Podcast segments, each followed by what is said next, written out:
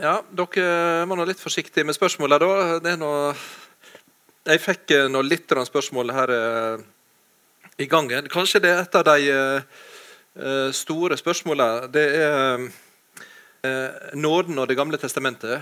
Og altså var Gud på en måte annerledes da? Og Det er det nok de som mener at du har liksom en, en, en, et, et, gudsbilde i Nytestamentet og et i Gamletestamentet som er helt ulikt. og sånn, Men det tror ikke jeg. Uh, og Det er veldig viktig å tenke på når du leser Israels historie. og uh, Jeg og kona leser i hop.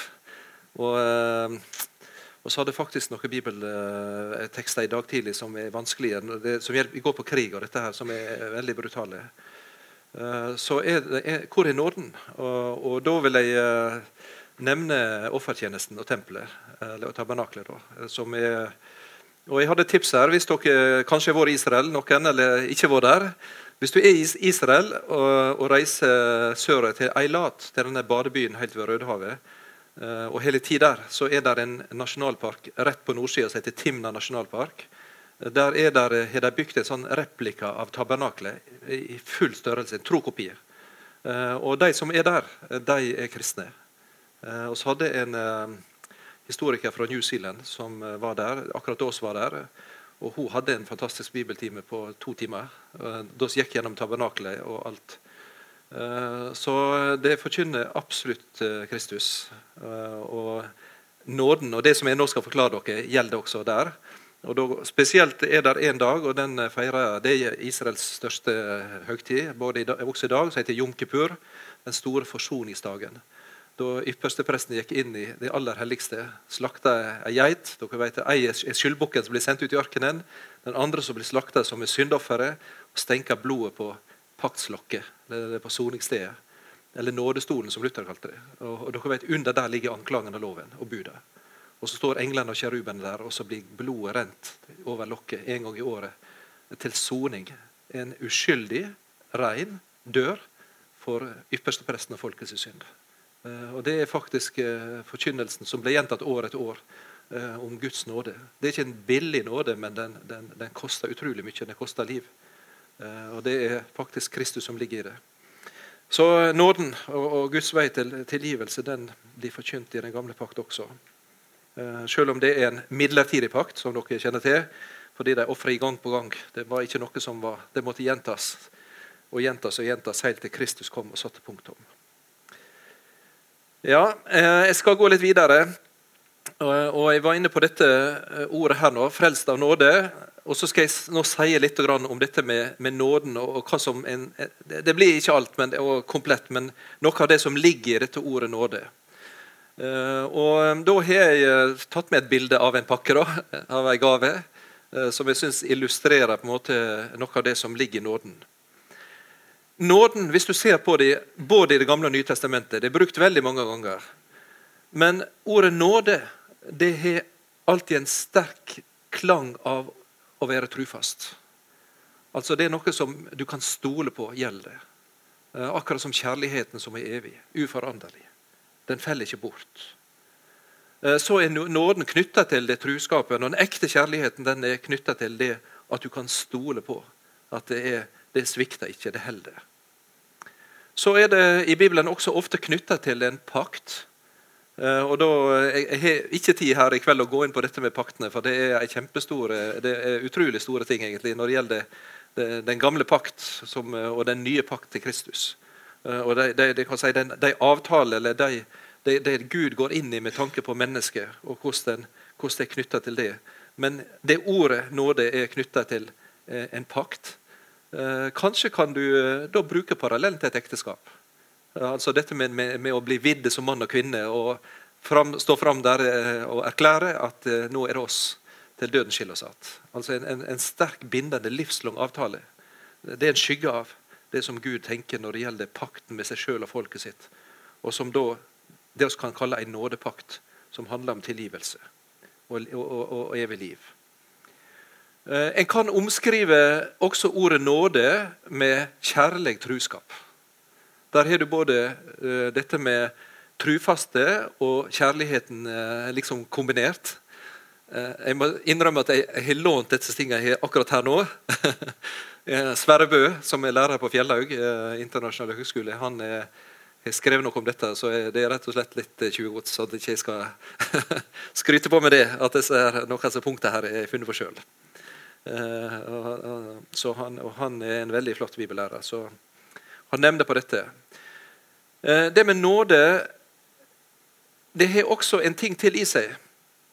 Det er en kjensle eller en følelse av det ekte og inderlig god leik som kommer fra hjertet. Det er liksom det djupfølte, det ekte, det som kommer fra det indre. Det er Ordet nåde er også knytta til det, hvis du sammenligner det sånn språklig hvordan det er brukt i Bibelen. Det er noe virkelig på djupt plan, og ikke overfladisk eller i det ytre, men alltid på det indre plan, og i det som virkelig er på djupene i, i både hos Gud og hos mennesket. Eh, og så er det en ting til som det med nåde har. Eh, det er at det er knyttet som ord i Bibelen til et oppgjør og et regnskap som blir gjort. Og Det kan være der er revisorer og regnskapsfolk her også. Langt ifra det. Eh, men det er knytta til altså dette med både i Nytestamentet og Paulus beskriver frelse, så bruker han ord liksom sånne på gresk som er litt sånn tekniske, med dette med rettferdiggjørelsen, som er på en måte et slags oppgjør eller rett, et, et sånn rettssak eller et regnskap eller noe som blir gjort opp, eh, og knytter det til det. Eh, og så er ordet nåde det er veldig tett knytta til ord som å ettergi og tilgi. Det er ord som alltid henger i hop på dette, som du ikke kan løsrive fra det. Eh, hvis vi går til språkene våre, da, altså på dette ordet på latin, så vil du finne at ordet nåde det heter gratia. Eh, og det er altså det er rotordet til vårt låneord som heter gratis. Når du får noe eh, uten å måtte betale for det. Så der er dette ordet nåde og gratis, altså gaven som blir gitt, som ikke krever gjenytelse, betaling, det henger i hop. Eh, sånn språklig sett. Eh, så det er egentlig et veldig spennende ord. Og Dere vil finne det igjen ikke bare på latin, det påvirker språkene våre i Europa sterkt, men for så ser du det veldig sterkt på engelsk, der du har ordet grace. Eh, og gracia på spansk. Det er dette gratis, dette ordet på latin som, som speiler dette ordet nåde. da. Grace eller gratia eller gratis det er også knytta til dette at det er en gave som blir gitt av en annen til deg. Og Den som rekker ut gaven, det er altså Gud. Det er Guds hånd som, som rekker ut og vil gi det. Og så er det også slik at ordet nåde det er noe som blir gitt ufortjent. Uten grunnlag i oss sjøl eller vår egen fortjeneste eller betaling. Eh, det er utelukka. Og du vet at Hvis du får noe i handa, og du krever å betale for det, så er det ikke lenger gave. Da er det noe du har kjøpt. Det, er, det opphører å være en gave.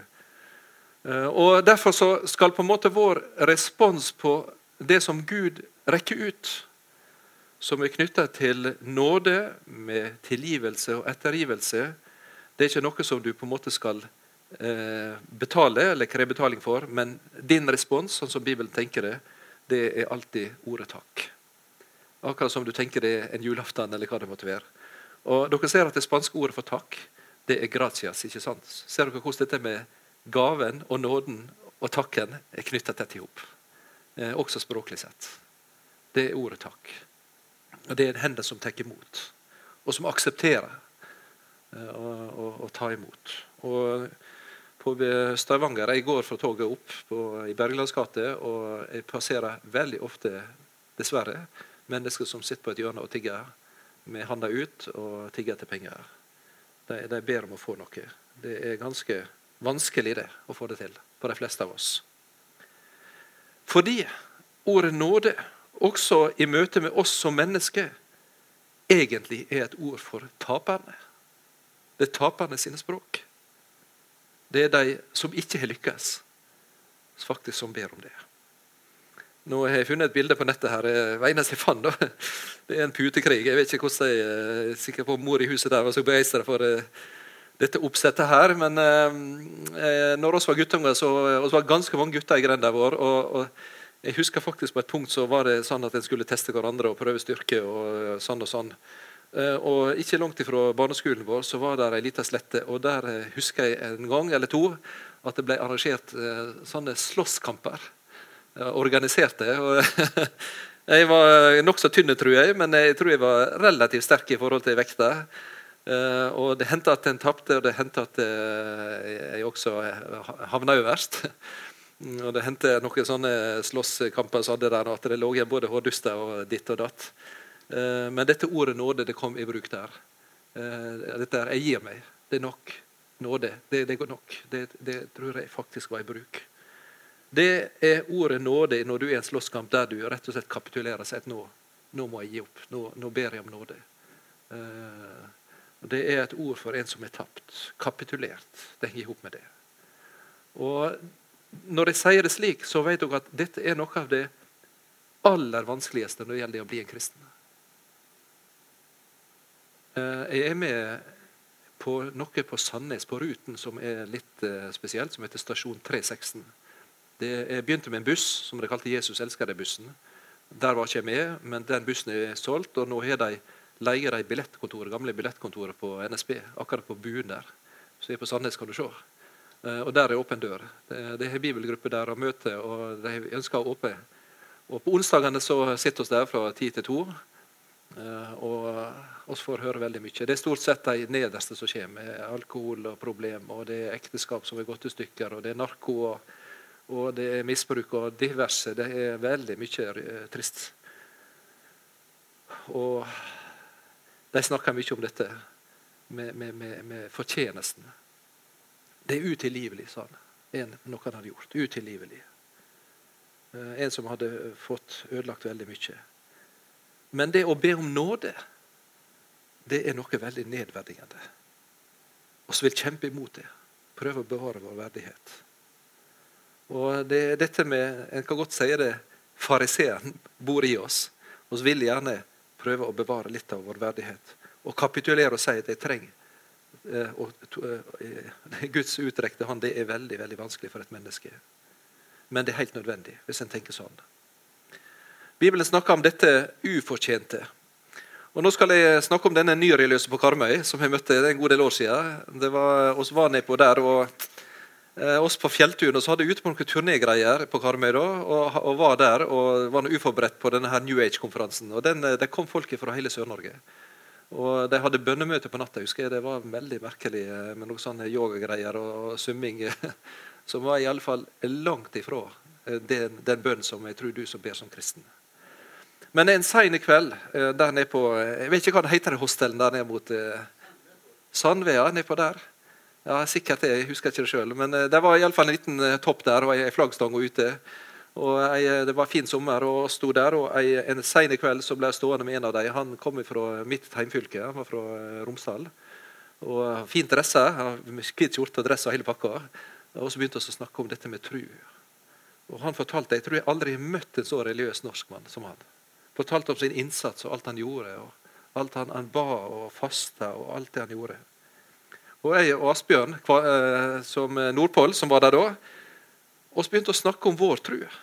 Og dette om Jesus. Og så nevnte oss et eksempel fra Bibelen til denne her gutten som var der nede. Han kunne være sånn i 20-åra en plass. Og fortalte om røveren på korset. Og siterte den historien. Men da sa denne gutten der nede det er helt, helt umulig. Og så sa han noe når han hørte hvordan det gikk. Jeg skal sitere en historie for dere, for den handler om nåde. Han sa det må ha skjedd noe. Han sa slik.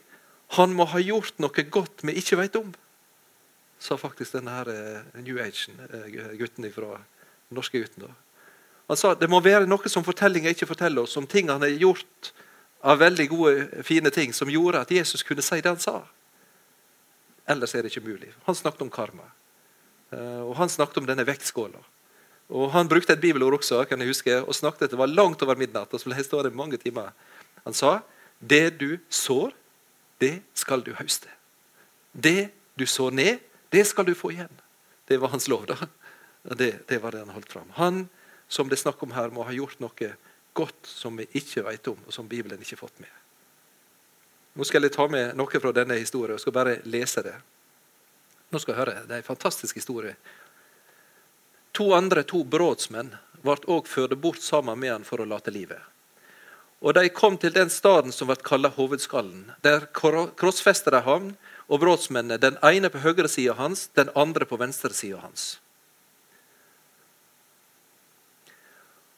Og så skjer dette på korset. Den ene spotter, dere kjenner til det. Og jeg hopper nå ned til vers 41.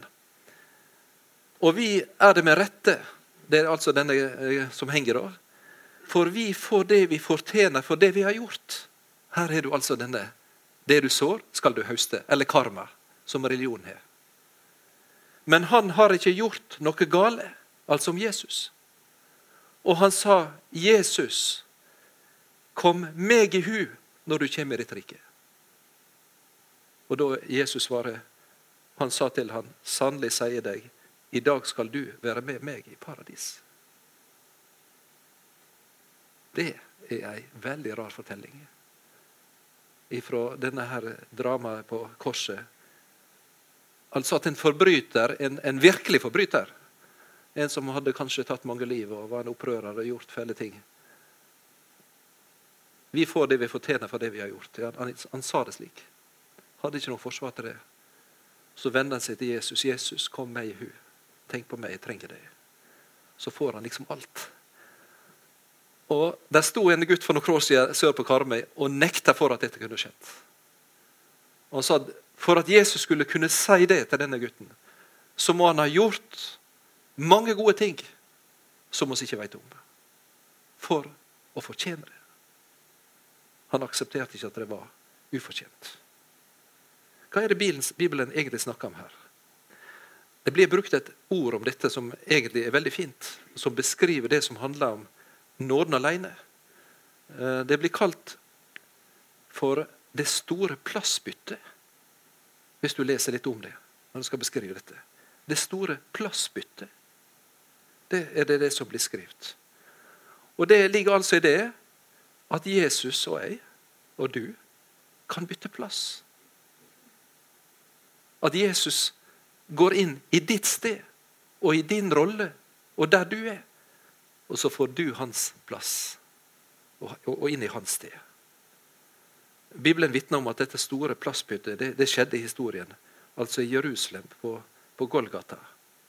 Der Jesus og jeg bytter plass. Og eh, der ser oss altså dette Det betyr altså at eh, Jesus han får alle syndene mine som han ber bort. Johannes 1,29. Da er det syndbukken på Jom Kippur, den store forsoningsdagen som er bildet, eller som er på en måte skyggen av det.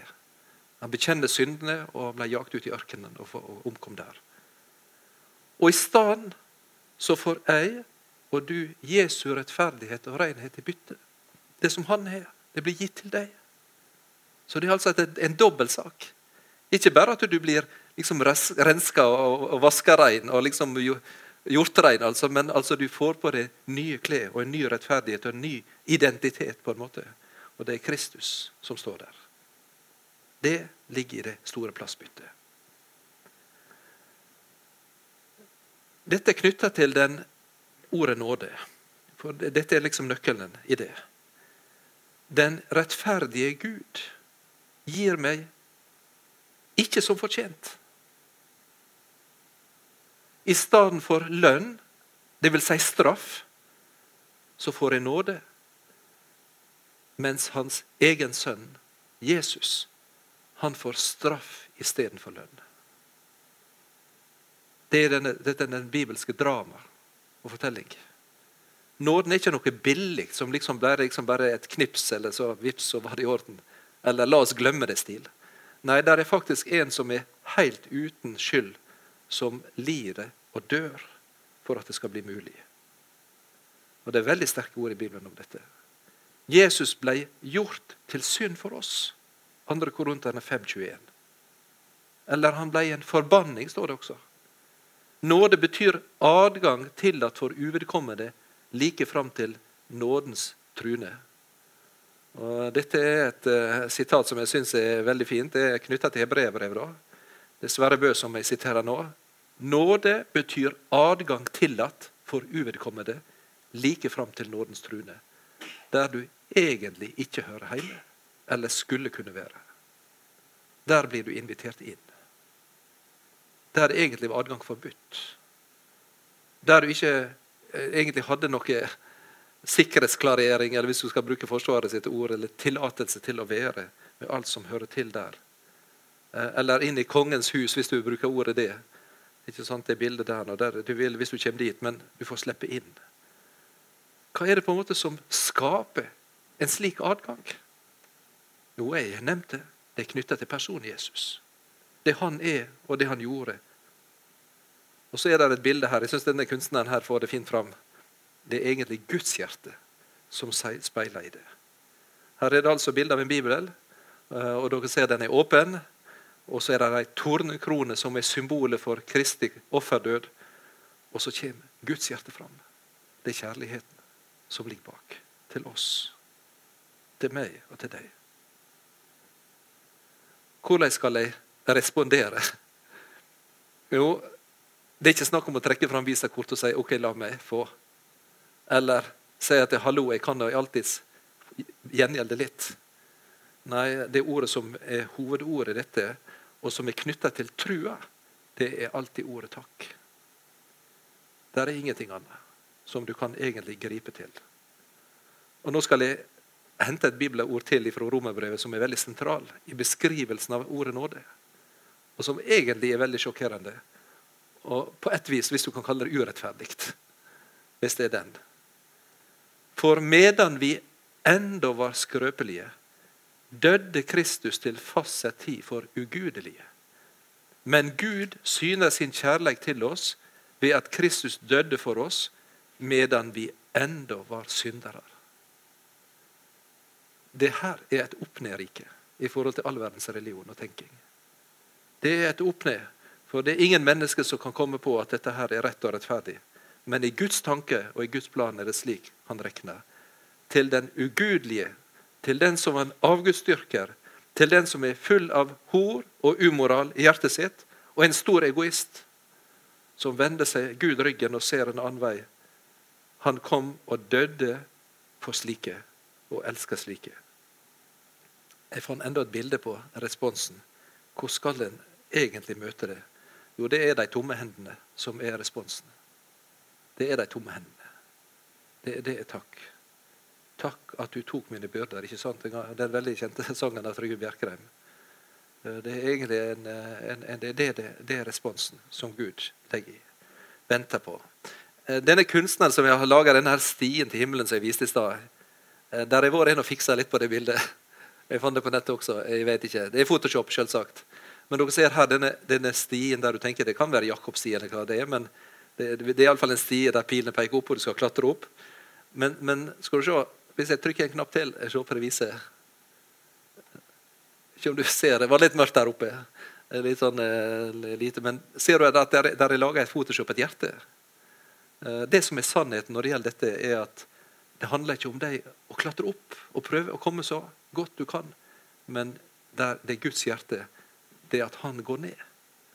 Han stiger ned til deg, ned til oss. Det er faktisk, Les Lippene, så ser du hvordan han ble liten og ga avkall på det og døde på et kors for all vår synd. Disse tingene som jeg snakker om nå, det er en del som kristne som sier at dette her er utrolig selvsagt. Dette har jeg hørt tusen ganger før, og det kan godt hende. Men uh, Hans Erik Nissen han sa det, at det som er i ferd med å bli selvsagt, det er i ferd med å forsvinne. Og Det kan godt hende at i en kristen forsamling at det er blitt så selvsagt at vi ikke oss har det mer. At det blir borte fra oss. Da mister selve pulslaget i trua. Og Luther han eh, har et sitat fra han med her. Ifra, han klager egentlig over holdninga til dette. Han sier at når folk har hørt evangeliet tre ganger, da tror de at de kan det. Og så vil de høre noe annet. De var ikke så interessert mer. Fått det liksom med, så, så er de ferdig med det. Jeg har et bilde til som jeg fant her i går, som jeg syns var veldig stilig. Eh, og som jeg syns illustrerer kristenlivet på ett vis. Eh, og det er dette her. Det er, jeg vet ikke hvordan du Ja, du ser det visst. Det er ei eh, aldrende dame, og så er det ei som holder opp en mobiltelefon, og så er det en fersken og en unge Jeg ser på en måte på kristenlivet slik at hvis du tenker mobiltelefon, så er det liksom litt sånn som Kristus er. At når Gud ser på deg gjennom Kristus, så ser han akkurat som det bildet. Ja, er, det er mye aldrende skavanker og mye på deg, men så i Kristus så ser han et nytt menneske. Han ser noe helt annet. Han ser noe rettferdig og hellig. Noe virkelig helt. Og Bibelen sier faktisk det. Akkurat det. Eh, se på det bibelordet her. Derfor om noen er i Kristus, da er han en nyskapning. Det gamle er borte, så alt har blitt nytt. Kona mi er sykepleier, og det er ikke så ofte hun eh, forteller om det, hva som skjer der. selvsagt. Det er Taushetsplikt og alt sånt. Men av og til så kommer det noen drypp. Og For noen år siden så fortalte hun noe som hun da klarte ikke å tie stille. Det var ei gammel dame på sykehjemmet. Hun er på en sånn rehabiliteringsavdeling. Får inn folk som har eh, vært på sykehus og av og til med kreft og litt forskjellig. Og så var det ei gammel, Hun var flere og 90 år. altså Så kom presten og hadde gudstjeneste. Og så innbydde han til nattvær. Og dere vet ved nattværordet, de sier 'Kom, for nå er det ferdig'. Kom til Kristus. Eh, og det som skjedde da, var at hun gamle dama her hun brøt ut i fortvilelse. Hun sa det. 'Ja, men jeg har ikke kommet gjennom', ropte hun. Hun var helt fortvila. Hun har ikke funnet fram til dette som hun ble innbytt til. Og så har Jeg hatt gode prester der sør. Og Han sa til mor du må ikke være engstelig, jeg skal komme igjen. sa han.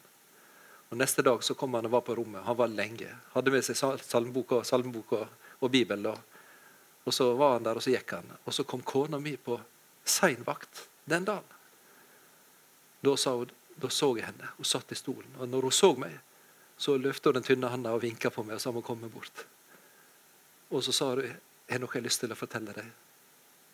Alt er blitt nytt, sa den gamle på flere og 90. Da har du funnet fram. Tre dager etterpå så døde hun. Det var helt på slutten. Hun hadde funnet fram. Alt er blitt nytt. Om du er et gammelt, skrøpelig menneske og du mislykkes i det aller meste, du kan bli en ny, en ny skapning i Kristus. Det er det som er, ligger i dette. Og det er Guds nåde som gjør det. Og her ser dere en, da. Han er blitt så glad og fornøyd. Dere ser det, Bibelen er åpen, og gutten han gleder seg over dette, at han er blitt en ny. En, en, en ny, At Gud ser det slik. Det er Guds nåde. Hvordan skal en da illustrere en kristen? Altså, Jeg snakket om denne muskelmannen som klatrer. Nå er det bedre egentlig sånn.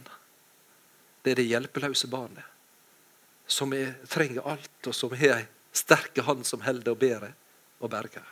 Eller slik. Her er det far, ikke sant, som, som ligger og Nå skulle jeg hatt et bilde av mor også. det Jeg hadde funnet fram, men nå ser jeg det ikke kommet med her nå. Det er dette her trygge, gode, omfavna og ligger der og holder.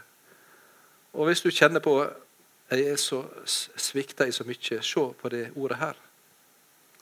Er vi truløse, så er han trufast. For han kan ikke fornekte seg sjøl. En gammel prest i Nord-Norge sa at her har du evangeliet oppsummert i, i seg sjøl. Det er kjerna i, Guds nåde. Er vi truløse? Ja. Ja, så er han trufast. Han holder ord. Han kan ikke fornekte seg sjøl. Andre Tim 3. Nå er jeg egentlig to minutter igjen, men uh, jeg tenkte jeg får reise gjennom det siste eksempelet. Uh, ta det fort. Jeg bruker som regel ha litt mye. Men det er et, et ord fra Moses sitt liv. Han hadde ei bønn, Moses, eh, der han på en måte søkte å komme nær Gud. Og så har han denne bønna i 2. Mosebok 33 som er veldig merkelig. Han, han, han, forlanger bevis for Gud på, på, forskjellige vis. At Gud er glad i han, og Gud er kjærlig, og at Gud er nådig og ikke vil dømme og forlate han. Så kommer han til slutt Moses og sier Moses sa, 'La meg få se herligdommen din'. Men da sa Gud du kan ikke få se ansiktet mitt, for et menneske kan ikke se meg og leve pga. misgjerning og vondskap. Men så føyer Gud til. Der er en plass. Herren sa, se her inn ved meg er det plass, still deg her på berget. Når så herligdommen min går framom, vil jeg la deg stå i bergskåra. Jeg vil dekke deg med håndflata til jeg er kommet forbi, og så vil jeg ta handa mi bort da kan du få se meg bakenfra, men andletet mitt kan ingen se. Og Så gjorde Moses det. Den plassen som Gud viste. Der i fjellet, på den klippen, i den der bergskåra eller der i kløfta. Og så kom Gud og gikk forbi og ropte navnet sitt. Og så skal du få se hva, hva Guds navn er. Herren gikk forbi andletet hans og ropa. Herren, Herren er en miskunnsam og nådig Gud, langmodig og rik på nåde og sanning. Han let miskunn vare i tusen etterleder, og han forlet misgjerninger og bråt og synd. Så fortsetter han. Men ser du hvordan dette ordet nådig og miskunn og sanning kommer? Han er en nådig Gud. Hva skjedde da? Moses bøyde seg straks til jorda og tilba. Han takka. Tenk at det er slik. At han kunne ha nåde og miskunn og dekke meg til som menneske. Han takka. Hvis du har litt bibelkunnskap, så vet du at dette har du hørt før. Og Nå hopper jeg rett over til Nytestamentet. Se i Johannes kapittel 1. Og ordet var kjøtt og tok bostad i oss, og vi så herligdommen hans. En herligdom lik den en enbåren sønn har fra sin far, full av nåde og sanning. Det er det samme. Akkurat samme ord. Med Herrens herligdom og denne fullnad av nåde og sanning. I Kristus er den åpenbart. Der er nåden åpenbart for oss. Og så er det dette plassbyttet. Altså mine var til hans. Og Det er ingen plass i Det gamle testamentet. Det er, liksom, er Guds nåde i Det gamle testamentet? Oh, absolutt. Se Jesaja 53. Jeg skal ikke lese alt, men se her. Han ble såra for våre brudd, knust for våre synder. Straffa lå på han. Vi fikk fred. Ved hans sår ble vi lekte. Og det siste. Min rettferdige tjener skal gjøre de mange rettferdige. Han, skal, han har båret deres skyld. Det er det store plassbyttet som blir illustrert her. Enda en kunstner har vært på banen. Se det bildet her, det syns jeg er kjempefint. Det er altså dette ordet fra Johannes kapittel 1. Her ser du at ut ifra bibelordet så stiger Kristus fram i en varm omfavnelse til et syndig menneske og sier 'du er mitt barn'. Det er Guds nåde og Guds kjærlighet. Og Da går vi mest over i et av de andre hovedtemaene som dere skal få senere. Jeg trenger å bo i Guds ord og leve der og ha det som min mat og som mitt brød. Vel, jeg skal slutte her nå, men eh, det er en fortsettelse her. Og det er dette med Guds nåde og, det kristne i, livet. Og det er, så, det er det sånn at en, er, en er, da er tilgitt og frelst, og Gud er åpenbart sin nåde for meg. Og så er det alt. Ja, det er en fortsettelse på det, og det handler om det å leve med Jesus.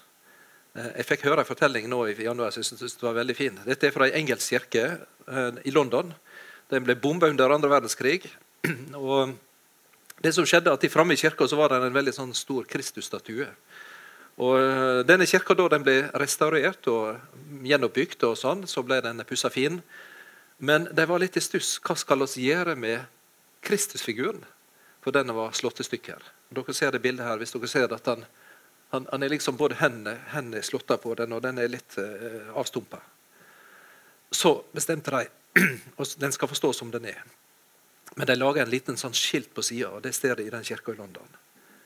Der står det på dette skiltet Kristus har ingen hender uten våre hender, og ingen føtter uten våre føtter. Det er faktisk eh, et veldig sterkt ord om å leve av Guds nåde her i verden. Og En kan godt si at Guds ord åpenbarer Guds nåde. Det er kilder, ord alene. Men eh, likevel så ser oss ut fra dette at du som kristen, som har fått skjult deg i nåden og grepet den og sagt takk og tatt imot, du kan få speile Guds nåde i verden. Det er altså lys og salt, eh, og det er gjennom det liv som du har. Og Dere ser dette bildet av menneskehender, og så blir Guds hjerte synlig gjennom det. Guds hjerte blir åpenbart også gjennom mennesket til Kristus.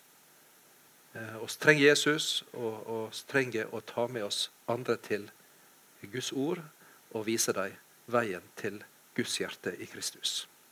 Kjære Jesus, jeg takker deg for at du er den som har åpenbart det for oss. Herre, du ser hvor ofte oss floker dette til. Det er vanskelig her å holde fast på dette.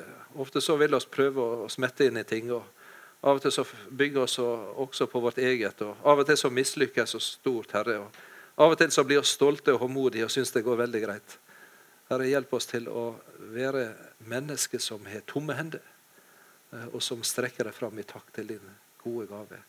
Takk at din kjærlighet og nåde, den er evig og uforanderlig, og den møter oss gjennom Jesus til hvert menneske på jord. Hjelp oss, Herre, å bære ordet om Guds nåde og evig liv ut til en religiøs verden som lengter og strever. At det er gratis, og det er pga. Jesu fortjeneste vi kan finne fram.